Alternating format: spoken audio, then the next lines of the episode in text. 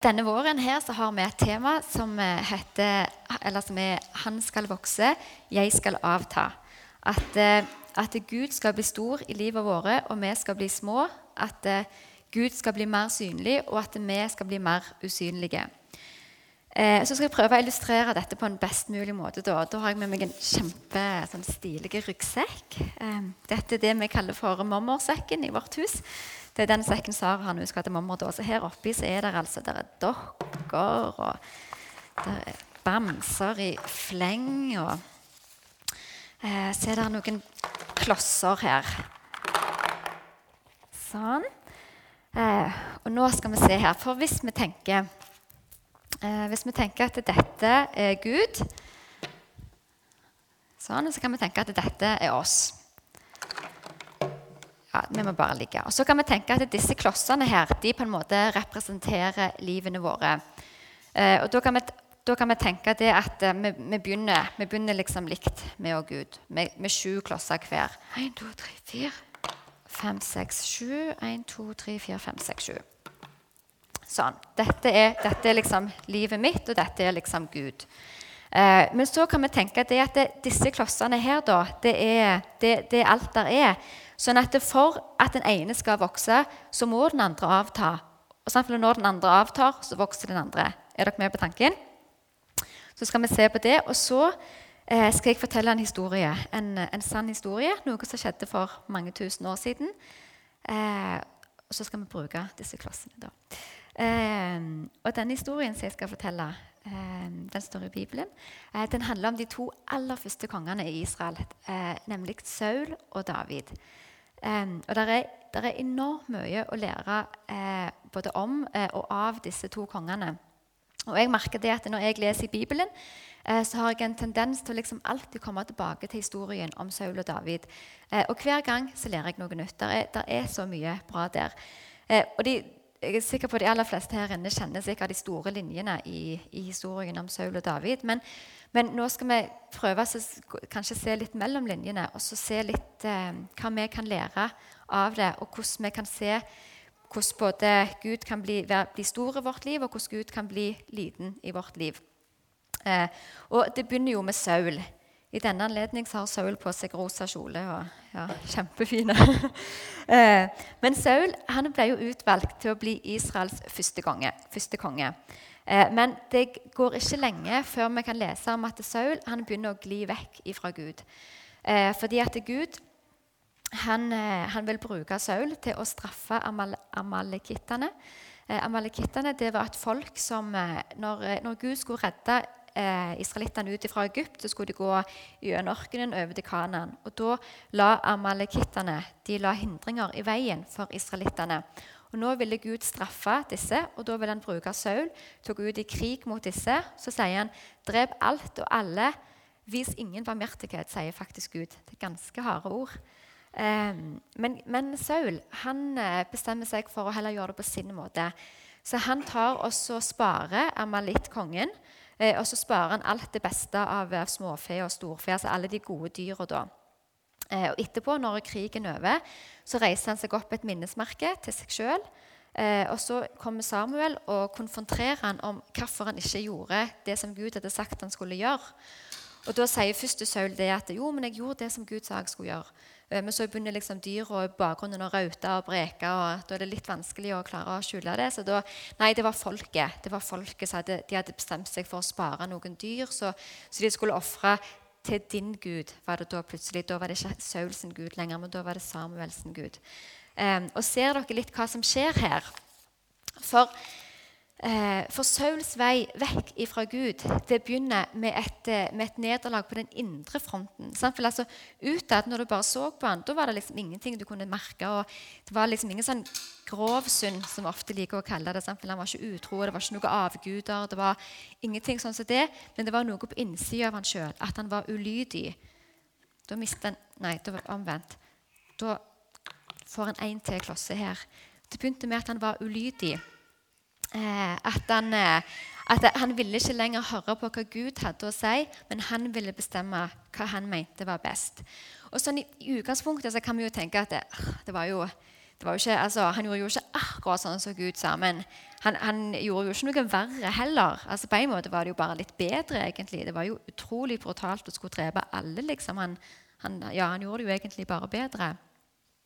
Eh, men, det, altså, men, det, som Bibelen prøver å lære oss gang på gang på gang, både her og i mange andre historier òg, det er det at det, vi skal For det første så er det jo det at det, det som Gud sier, det, det, er det vi skal fylle, uansett om vi ikke forstår det. Og for det andre så er det dette med at synd, det avler synd. Så når vi, om vi gjør én synd, så er det så mye lettere å gjøre flere synder. Enten kanskje for å prøve liksom, at vi skal dekke over den første synden, eller at vi bare, vi bare spinner oss inn i noe sånn greier. Eh, og det ser vi her på Saul. for det, Først var han ulydig mot Gud, ja, og etter denne krigen, hva er det da han gjør? Jo, da reiser han seg et minnesmerke. Ofte på denne tida så var, det, så var det sånn at en egentlig kanskje pleide å reise et alter eller gi takkoffer til Gud for at Gud var med dem i krigen. Men Saul han, nå tar han all æren sjøl for dette. Eksempel. Og da, kan, at han, han, ble stolt. Nå var det liksom, det var han som hadde vunnet. Han reiser seg dette minnesmerket. Vi kan se at han blir litt sånn hovmodig. sant vel? Liksom, nå, 'Dette var jeg som gjorde liksom, det. Dere må huske på meg.' Eh, og videre så, vi, så, førte det jo til løgn. Sant? Han løy til Samuel om at han, han hadde gjort det som, han, det, som hadde, det som, Gud hadde sagt han skulle gjøre. Og han skyldte på andre. Sant? For han sier nei, det var folket det var folket som ville spare. Eh, og Senere så kommer jo David inn på banen, og David han slår Goliat. Og da Saul, da blir Saul han blir misunnelig på David. Og Senere kan du lese at dette utvikler seg til et hat. Han hater faktisk David. Eh, og Saul han ble forkasta av Gud som konge, og han brukte hele resten av livet sitt på å jakte etter David. Eh, og livet hans endte med at han tok selvmord i en krig. Var, han var i krig med filisterne.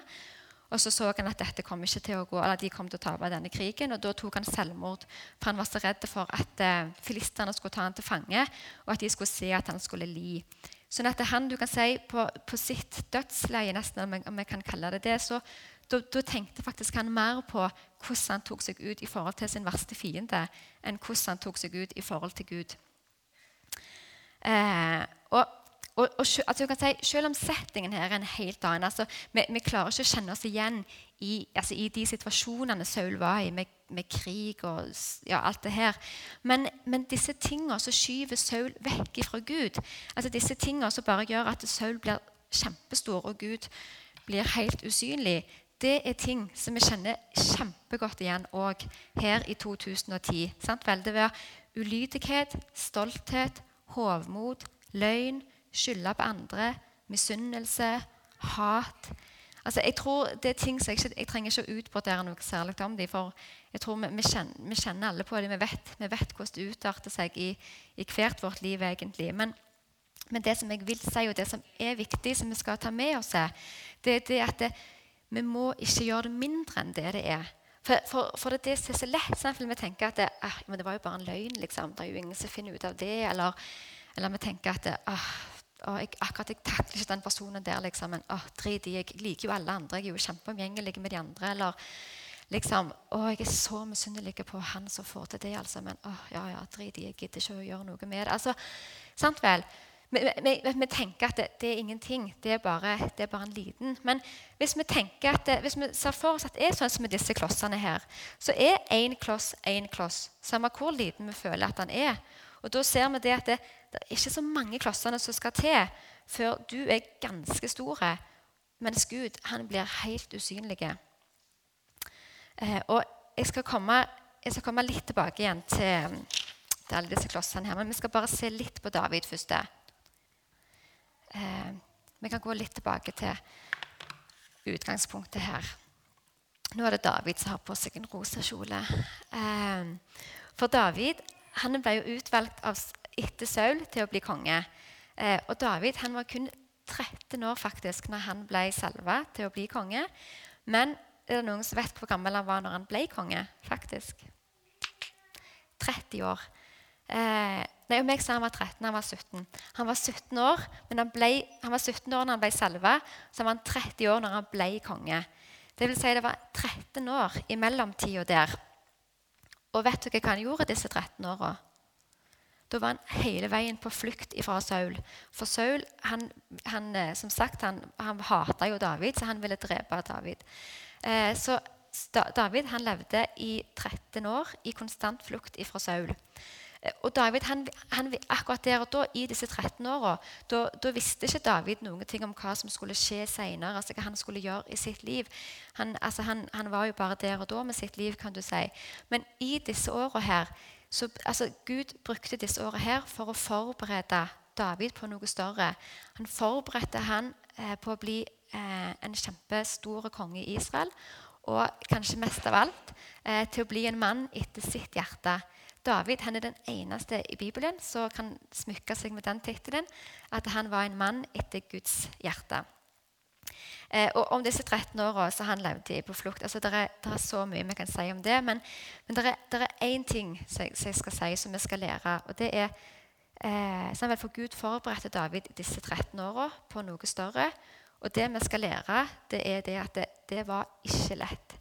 Det var ingen dans på roser for David disse åra. Det var ingen dans på roser for David å bli forberedt eh, til å bli den kongen som Gud ville han skulle bli. Eh, og, og, Det er det samme som vi kan se i andre historier i Bibelen òg. F.eks. Josef er jo en kjempekjent historie. Han ble solgt eh, til, som slave til Egypt og var i fengsel der. og Han hadde ei tøff tid, mens Gud forberedte han på å bli noe større. At han skulle redde hele Israel fra sulten. Eh, men det, eh, for, for, David, hvis vi ser på David, ja, for det var ikke lett. For det første, eller det, det som skjer i, i, løpet av en lang periode, da, men det er det at det, alle, alle, de måte, menneskelige støttene som han hadde rundt seg, de ble, de ble tatt vekk fra han. Han mista jobben sin, han mista kona si, han mista hjemmet sitt, han mista rådgiveren sin eh, Samuel, han mista den nærmeste vennen sin Jonathan. Eh, og du kan si at Han, han mista helst litt av sjølrespekten sin òg. For på ett punkt så var han faktisk så desperat at han flykta over til filisterne. De, og de var, de var, de verste fiendene til Israel. Han flykta der for å ta tilflukt der, men så ble han kjent igjen. Og da måtte han spille gal for å få lov til å gå derifra. Og Da endte han opp som fredløs og bodde i ei hule inni et fjell. Eh, og dette er faktisk Guds verk, tro det eller ei. For Det er jo sånn at vi, altså det, det, første vi tenker, er jo at vi har lyst til å tenke at dette må være djevelen dette må være djevelen som prøver å ta, ta, David vekk fra Gud. liksom, og, ja. Men det er faktisk Guds verk. Det er Gud, eh, det er Gud som vil ha David her i denne håla. For, for, nå har Gud fått ført David der hvor eh, Gud kan få lov til å begynne å forme han og bruke han sånn som han vil. Eh, for, for, når vi har sånne menneskelige støtter altså vi har alle, alle vi har sånne menneskelige støtter. Og det kan være all slags ting. Det kan være for eksempel, det kan være andre mennesker, det kan være penger, det kan være posisjonen vår, det kan være karrieren vår. Men all, alle sånne menneskelige støtter de kan være de kan lage hindringer i vandringen vår med Gud. Eh, for de, de, blir akkurat som at de blir til falske erstatninger for Gud. Sant? For at vi heller setter vår tillit til de istedenfor å søke hjelp hos Gud. Um, men det er altså, Og de, de, kan hjelpe til en viss grad, men det er òg alt. Sånn, så, altså, pengene mine de kan jo hjelpe meg. De kan hjelpe meg et stykke på veien, men pengene mine vil aldri kunne frelse meg. Eksempel, altså andre mennesker kan gi meg gode råd, og de kan, de kan, hjelpe meg, men de vil aldri kunne frelse meg. Eksempel, det er kun Gud som kan frelse. Det er kun Gud som kan gi, som kan gi varige løsninger. Um, og Derfor da, så ble alle disse støttene her tatt vekk fra David.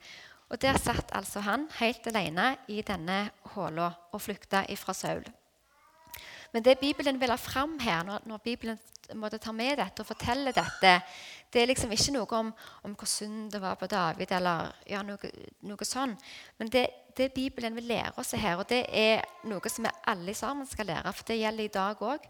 Og det er det at det, når, når, vår suverene Gud bringer oss til bunnpunktet, altså vår suverene Gud, da mener jeg han som, han som, har skapt oss, han som har formet oss, han som kjenner oss bedre enn vi kjenner oss sjøl.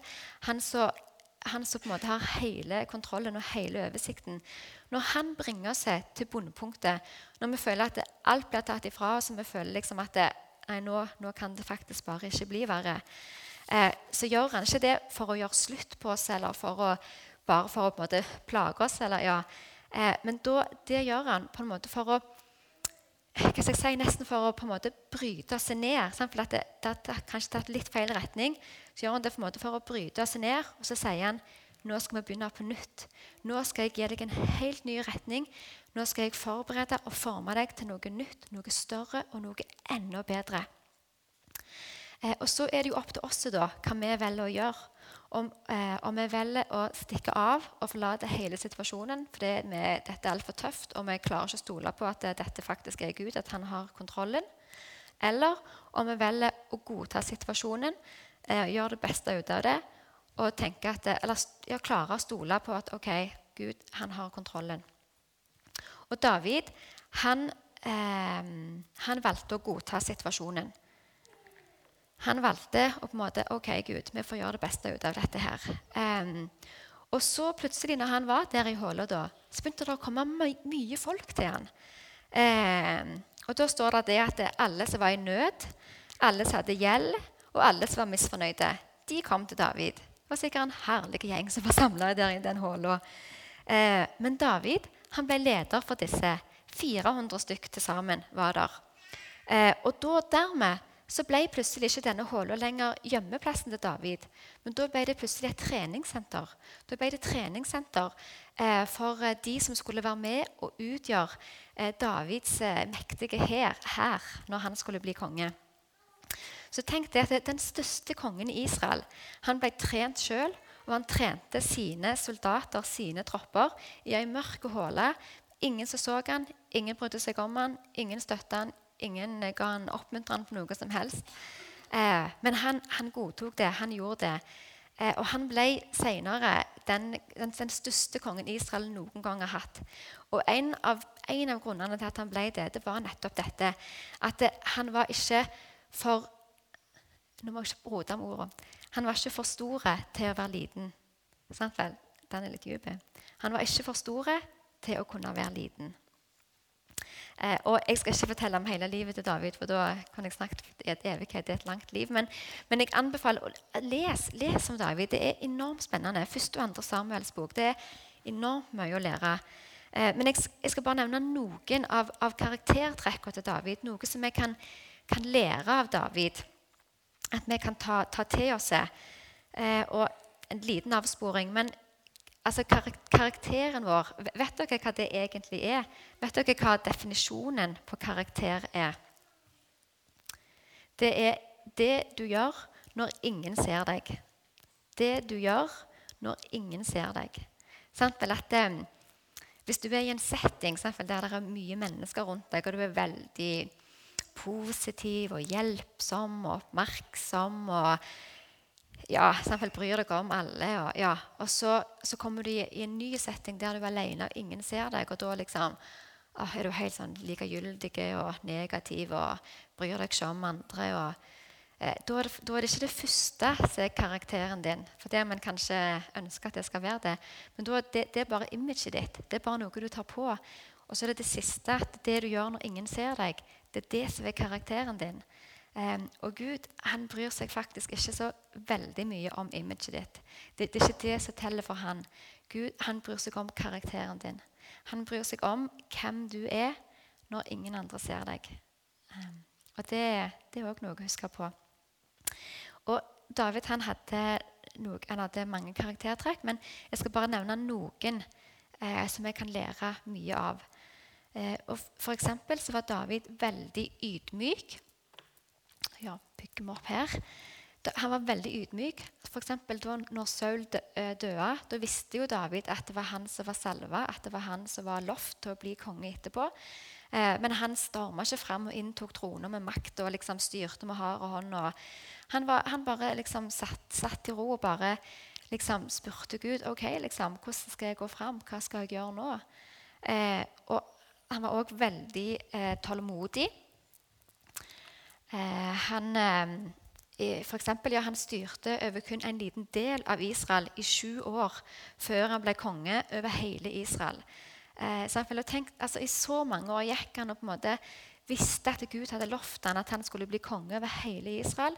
Men han venta tålmodig på at Gud skulle få oppfylle sitt løfte i sitt tempo. Og det, altså, det kan virke som ikke sånn kjempeimponerende når vi, snakker, når vi bare hører det. fordi det, For vi kjenner hele historien. Vi, vi, vet jo hva som skjedde, og at alt gikk bra, og at han fikk det han skulle. Men hvis vi prøver å tenke det inn, inn, i vårt eget liv, så vet jeg vet i alle fall at det, hvis Gud lover meg noe, og det ikke, måte, det, ikke går i oppfyllelse sånn relativt raskt, da er det akkurat som at jeg på en måte bare jeg vet ikke, det er akkurat jeg, jeg, jeg, slutter, jeg, jeg, mister troen på at det skal skje. Jeg slutter å forvente at det skal skje. Jeg slutter å tenke på det. Det er akkurat som jeg bare jeg vet ikke, Det kan være at Gud har lovte meg det likevel. For bare, det bare renner ut i sanden. liksom. Og, eh, og det tror jeg er veldig lett at det kan skje. Og Tenk Hvis vi prøver å sette det inn i en, inn i en setting som vi klarer å kjenne oss igjen i altså Gud kan love så mange ting. Det kan være både i det hverdagslige og på det åndelige. Det kan være for at Han lover oss at eh, familie og venner skal bli frelst, men at det går årevis vi venter. Det kan være Han lover oss en spesiell jobb vi har veldig lyst på, men vi går og venter i årevis. Det kan være at Han lover oss en ektefelle eller unger, men vi går og venter i årevis. Og da vet vi at det å være ydmyk og det å være tålmodig det er ikke alltid like lett. Eh, men det er det Gud ønsker vi skal være. Eh, og når vi er det, så ærer vi Gud. Da blir Gud stor i våre liv. Eh, og En annen ting var det at, det, at David han søkte Gud i alle, i alle ting. Ikke, bare, ikke, bare, når det gjaldt liksom, åndelige ting, men òg i, i, det hverdagslige. F.eks. når han skulle ut i krig, så søkte han Gud om råd når det gjaldt strategien.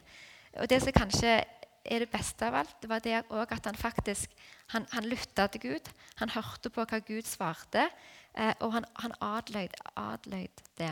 Han, han, gjorde det som Gud sa. For det er jo det som er det vanskelige. Altså Det å på en måte spørre Gud om råd, det er ikke det vanskeligste. Det, det gjør vi hele veien. det Vi slenger ut 'Å, kjære Gud, hjelp meg.' 'Å, kjære Gud, hva skal jeg gjøre nå?' 'Å, kjære Gud, nå, nå må du Ja. Men, men, det å faktisk etterpå være, være stille, sette seg ned, lytte lytte, være mottagelige for å faktisk høre at Gud gir oss et svar. Og da òg handle på det Gud sier. Det er det det står respekt av. Det er det som kanskje er den, er den vanskelige biten. Det kan han faktisk være en til kloss for, for han gjorde jo det. Eh, og en annen ting er det òg at han, han, satte seg ned og telte, tel, telte alle sine velsignelser. David sier det at 'Hvem er vel jeg, Herre, som har fått det, det og det og det?' og det, sier ja. Eh, og det er så viktig det, at vi av og til setter oss ned og tenker litt over eh, og teller alle velsignelsene som Gud har gitt oss her i livet. Fordi at det, altså, Minnene og erfaringene om hva Gud har gjort, både, både i vår, våre egne liv og når vi leser i Bibelen, i Bibelens historie, eh, de de er til stor trøst og oppmuntring for oss. De kan være med og hjelpe oss til å holde motet og troa oppe når det er tøffe tider. Eh, og det hjelper oss òg til å holde fokuset på hvem Gud virkelig er. Eh, for sånn så, Den guden vi lærer å kjenne i Bibelen, det er jo akkurat den samme guden som, vi tror på i dag. Det står det i Hebreerbrevet at eh, Gud er den samme i går og i dag, ja, til evig tid. Og da kan vi tenke Når vi ser hvordan Gud stiller opp for folket sitt i Bibelen, og alt det Gud gjør på alle slags mirakuløse vis, så kan vi jo tenke litt hvorfor stoler vi ikke mer på Gud i dag, når det er den samme Guden? Eh, og, det, og det, å, det, å, sitte ned og telle velsignelsene sine, det er òg en måte å ære Gud på. Eh, altså det er en måte vi anerkjenner Gud for alt det gode han gjør. For tenk, tenk alt det gode Gud gjør i livene våre, som vi på en måte bare ikke Vi enser det ikke engang. Eller, altså, vi, vi tenker ikke over det engang. Um, og tenk så, tenk så, kjedelig det må være for Gud å bare liksom pøse på med godhet. og Vi liksom bare, ja, vi, vi, tenker ikke, vi, tenker ikke, over det engang. Men når vi setter oss ned, vi tenker over det, vi, vi takker Gud, vi anerkjenner Gud for alt det gode han, gode han gjør for oss, eh, så er vi med på å ære Gud. Um, og det er så viktig at vi gjør det. Det er jo faktisk to klosser. Det er kjempe, så viktig er det. Eh, for det for det hjelper oss til å holde fokuset vårt rett. For, vel, tenk, tenk, i den verden vi lever i nå. Vi, liksom, det er så mye input på oss hele veien. Sant? Altså, gjennom andre mennesker, gjennom media, gjennom Internett, gjennom nyheter, filmer, i blader. Altså, uansett hvor vi går, så er det så mye som skal ha plass i tankene våre, plass i hodene våre, plass i hjertene våre, at vi trenger virkelig noe som på en måte er med på å holde fokuset vårt rett, noe som er med på å holde blikket vårt festa på Gud og tankene våre retta mot Gud. Eh, og I Romerne 4 så står det eh, om Abraham og Sara. De hadde fått et løfte om at de skulle få en sønn. Eh, men begge to var kjempegamle og mye eldre enn det vi pleier å være når vi får unger. Eh, men så står det et vers. Jeg skal lese det litt på engelsk og litt på norsk, for da, kommer poenget seg veldig bra fram. Da står det, at han var ikke vantro, så han tvilte på Guds løfte. But he grew strong and was empowered by faith as he gave praise and glory to God. Han var ikke vantro, så han tvilte på løftet. Men han vokste og ble styrka i troa si mens han ga ære og pris til Gud. Sånn at Veien til å leve et sterkt liv sammen med Gud det går gjennom lovsang, ære og tilbedelse. For det får sinnet, altså, da, blir tankene våre retta mot, eh, mot, Gud og mot det som han har gjort for oss. At han sendte Jesus ned til jorda for å dø på korset eh, for vår synd. At eh, Jesus han overvant alt det vonde på korset. At Jesus han sto opp fra, det døde, fra de døde. At han er kongenes konge, herrenes herre. Han lever i dag. Han lever i oss. Ingenting er umulig for han. Altså, det er så mye sånn som det. Når, vi, når, når livet vårt er prega av lovsang, ære og tilbedelse, da er det det vi får fokuset vårt på. Og vi får det vekk fra våre egne tanker og bekymringer og problemer og alt det som verden prøver å, å proppe oss med. Um, men så kommer det jo òg i Davids liv det som, det som vel er det mest kjente, det som han er kjent for. Og det, er, og det løyer det med oss mennesker hvordan vi er. For eh, vi, altså, Det er sånn som med David. Altså, hva, med en gang vi tenker David, hva tenker vi på da? Jo, vi tenker på Batseba. Sant? At han falt i synd, at han, at han lå med Batseba. Og det er, det det er, litt typisk oss mennesker at vi henger oss opp i hva feil folk gjør. Det er det vi husker, det er det vi går og tenker på, istedenfor å henge oss opp i alt det gode som folk gjør, i alt, alt det bra folk gjør. Eh, men David han, eh, han, han, gjorde en stor feil. Ja. Han, eh, han falt for Batseba, han var gift med en annen mann, gjorde henne gravid og endte opp med å drepe mannen hennes for å prøve å skjule alt dette.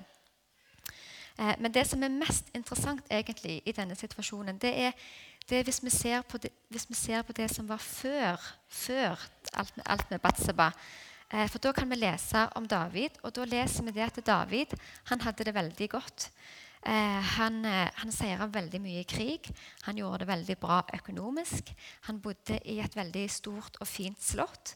Han hadde masse god tid. Eh, og alt dette var faktisk med på å gjøre han veldig sårbar. Eh, for det, det, er to ting vi skal lære av det med Batseba. Eller, eller, tre ting faktisk skal vi lære av det med Batseba. Eh, og det, for det første er det, er det nettopp det at det, blir, når, når, vi har det så godt, da blir vi så sårbare. Altså, de, de, tøffeste periodene i livene våre det er faktisk ikke eh, i motgang, men det er når vi har det veldig bra. Altså, sånn når vi ser på David David var faktisk veldig mye mer sårbar når han var konge og levde på et flott slott, enn når han var fredløs og levde i ei hule. For når han levde i denne hula, da var han så avhengig av Gud. Da var han bare klynga seg til Gud. Og da blir han ikke stolt. En blir ikke stolt sant? når han på en måte bare går fra dag til dag og bare 'Å, kjære Gud, hjelp meg'. Men, vel, men når vi får det så bra, vi får alt det gode på en måte bare kommer i fanget vårt, liksom, det er da stoltheten kommer. Og det er da det kommer det der med at ah, vi klarer oss sjøl, og vi ja, trenger ikke Gud så mye. Og det er da, da blir vi sårbare. Eh, og det er jeg husker Vi hadde en lærer når jeg gikk på bibelskolen. og det, Jeg husker ingenting av hva han lærte oss, og hva han sa, men jeg husker én setning som han sa. For den sa han hele veien. Og det var det at det, Easy rottens your soul. Altså Letthet gjør at sjelen din råtner. Når vi bare har det lett, når vi bare har det godt, da er det akkurat som vi på en måte bare visner litt hen. Da bare flyter vi på alt det gode. Flyter liksom fra sky til sky til sky. Eh, så det skal vi ha som et kjempestort obs, obs, obs i bakhodet vårt. At det, eh, for mye medgang, det gjør oss sårbare. Easy rottens your soul. Var det som var bakteppet for David med hele denne her episoden. Og Det andre vi skal lære, det er om fristelser. Fordi at alle sammen så møter vi på fristelser i livet av, av all slags sorter. Det kan være fristelsen til å ta en løgn istedenfor å si sannheten. Fristelsen til å stjele noe, fristelsen til å sladre, fristelsen til å baktale. Fristelsen til å se på ting på internett vi ikke skulle. Fristelsen til å involvere oss i personer vi ikke skulle. Altså, Det er så mange fristelser i dette livet. Vi møter dem hver dag. Eh, men det men det som skjer når vi møter en fristelse det er, for Hvis vi bare klarer å på en måte vite hva det er som skjer, så er det så mye lettere å takle det. For det som skjer når vi møter på en fristelse, når vi får den der 'Å, jeg tar bare en løgn heller', eh, så er det det for det første så er det det at Gud han blir akkurat som han blir helt uvirkelig, helt uvirkelig i tankene våre, i livene våre. Og så ser vi kun skjønnheten og spenningen med fristelsen. Vi klarer ikke å se konsekvensene. Samtidig. Vi klarer ikke å se at oi, det kan være jeg blir tatt hvis jeg lyver. Oi, det kan være jeg sårer noen hvis jeg lyver. Oi, det kan være jeg får dårlig samvittighet når jeg lyver. Vi ser bare det fine, skjønnheten, spenningen med det. Eh, sånn at det, Bibelen den har bare ett råd eh, når han snakker om å møte fristelser, og det er flukt. Det er liksom Lukk øynene, tenk på noe annet syng en sang, be til Gud. Altså bare flukt ifra disse tankene som er med på å forherlige fristelsen, som er med på å lokke deg. Eh, og så kan vi òg så veldig tydelig i denne hendelsen her se det som er den store forskjellen på Saul og David. Eh, for Saul han kunne òg med, med, mange anledninger eh, ha bøyd seg for Gud og bekjent sin synd. Um, og Da ville han ha fått tilgivelse og oppreisning til en ny start i livet. Uh, men synd den avler mer synd, som sagt. Uh, og Saul han valgte å følge den veien. Um, og For David så ville det jo også alltid vært noe å skylde på. Tusen ting minst. Uh, men han valgte etter hvert i fall, å bøye kne. Og 'jeg har synda', sier han til Gud. Og Da fikk han, en, da fikk han tilgivelse til en ny start. Og Det er ganske interessant eh, når vi ser på disse to kongene, Saul og David. Eh, for eh, Saul han var, han var, nærmest perfekt sånn fysisk sett når vi leser i Bibelen. Han var, han var, pen, han var sterk, han var intelligent, han var ett hode høyere enn alle andre. Det liksom oste lederegenskaper av han, respekt autoritet. Eh, men han svikta av én en enkel grunn. Det var at han var ulydig mot Gud. Han ville være, han ville være den største. Han ville ta bestemmelsene, han ville ha kontrollen. Og Det var derfor Gud utpekte en erstatter som var helt ulik han sånn fysisk sett. Det var ingen som hadde sett noe som helst kongelig potensial i gjetergutten David. Ikke hans egen far engang. Eh, men det som var, det var at David hadde et hjerte som Gud kunne, Gud kunne jobbe med. Eh, og Det er det måte, Gud ser etter hos oss òg, og det er det vi skal huske på. at det, det, er ikke det fysiske. Det er liksom ikke hva vi kan peke på av all slags ting vi liksom har oppnådd. og sånn, Men det er hjertet vårt. Det er hjertet vårt Gud er interessert i. Han ønsker å ha at vi skal ha hjerter som han kan få lov til å jobbe med, som han kan få lov til å forme, som han kan få lov til å bruke. Eh, og David han stolte helt og fullt på Gud, og det var ei lekse som Saul aldri lærte. Men når vi, når vi liksom hører, den, hører, om den, altså hva som er den store forskjellen på Saul og David, og når vi ser på klossene, så er det ikke så veldig vanskelig eh, å se. For hvis vi tenker eh, Dette var jo Saul, sant vel? Vi ser det at det, hos Saul da, altså Alle klossene er hos Saul. Gud han har blitt helt usynlig. Det er akkurat som Gud han har mistet hele sin eh, påvirkningskraft på Saul. Eh, og da er det sånn at eh, ja, da, da, da, blir Saul helt sånn forherda. Synd avler mer synd eh, og fører til slutt til forherdelse. At hjertet blir helt hardt. Og Saul han klarer kun å se seg sjøl. Hans egen egoisme, hans egen stolthet hindrer han ifra å be Gud om tilgivelse. Eh, mens hos David så ser vi det at det, han, Da var det sånn, men han falt jo i synd. Han gjorde sikkert flere ting òg, så han hadde noen klosser her òg. Men vi ser det at allikevel så er Gud større. Samtidig, Gud har ennå påvirkningskraft i hans liv. Gud klarer ennå å få David i tale. Han klarer ennå å, å jobbe med hjertet til David. Um, og derfor er det lettere for David å på en måte be om tilgivelse og bli kvitt, bli kvitt disse klossene her igjen. Eh, og det vi skal huske på når vi, eh, når vi, tenker på Saul og David, når vi tenker på hva som er forskjellen mellom de to, det er det at det, det som teller for Gud, det er det som skjer etter vi har falt i synd. Det er eh, om, vi, om, vi, er ydmyke, om vi erkjenner vårt nederlag, eller om vi på en måte bare ah, Det var ikke så nøye å bagatellisere det og bare velge å glatte over det helt. Eh, og eh, ei dame som heter Joyce Meyer, hun, hun, pleier å si det at eh, for at noe skal dø, så må vi slutte å mate det. Det er veldig logisk. Når, når vi slutter å mate noe, så dør det. Og rota til alt syndet vårt, opphavet til at vi ønsker å være større enn Gud, opphavet til at vi ønsker å være stor i våre egne liv, eh, det er jo vår egen egoisme. Alt, alt, springer ut av egoismen vår. Alt hatet, alt løgnen, all ulydigheten, alt stoltheten. Alt, altså, alt kommer fra vår egen egoisme. Eh, og for at den skal dø, da, altså, så må vi jo slutte å mate den. Vi må slutte å mate vår egen egoisme. Slutte å bare tenke liksom, meg, meg, meg. meg. Slutte å synes synd på oss sjøl. Eh, slutte liksom å gjøre alt liksom bare for å for å tilfredsstille oss sjøl, eller for at vi skal bli sett, at vi skal bli anerkjent, at vi skal, ja, at vi skal være så store. Eh, for, for vi, kan, altså vi, må, vi, må, tenke på det at vi, vi, spiller faktisk en veldig stor rolle sjøl i vår egen egoisme. Altså, hvis vi tenker tankelivet vårt, hvor mye kraft og makt det har på oss Og vi kan faktisk styre våre egne tanker. Vi kan velge hvilke tanker vi har lyst til å dvele med, og vi kan velge hvilke tanker vi tenker at nei, vet du hva, dette er ikke sunne tanker. Dette er ikke tanker som tjener Gud, som ærer Gud. Disse tankene vil jeg måtte prøve å ta vekk. Jeg merker i alle fall selv at hvis jeg har dager eller perioder eller, ja, der jeg merker at jeg bare går og spinner mitt eget hode. Kun meg, meg, meg, meg, Jane, Jane, Jane. Meg. Altså, da merker da må jeg liksom akkurat sette meg ned og bare OK, nå, nå, må jeg bare gjøre noe helt annet.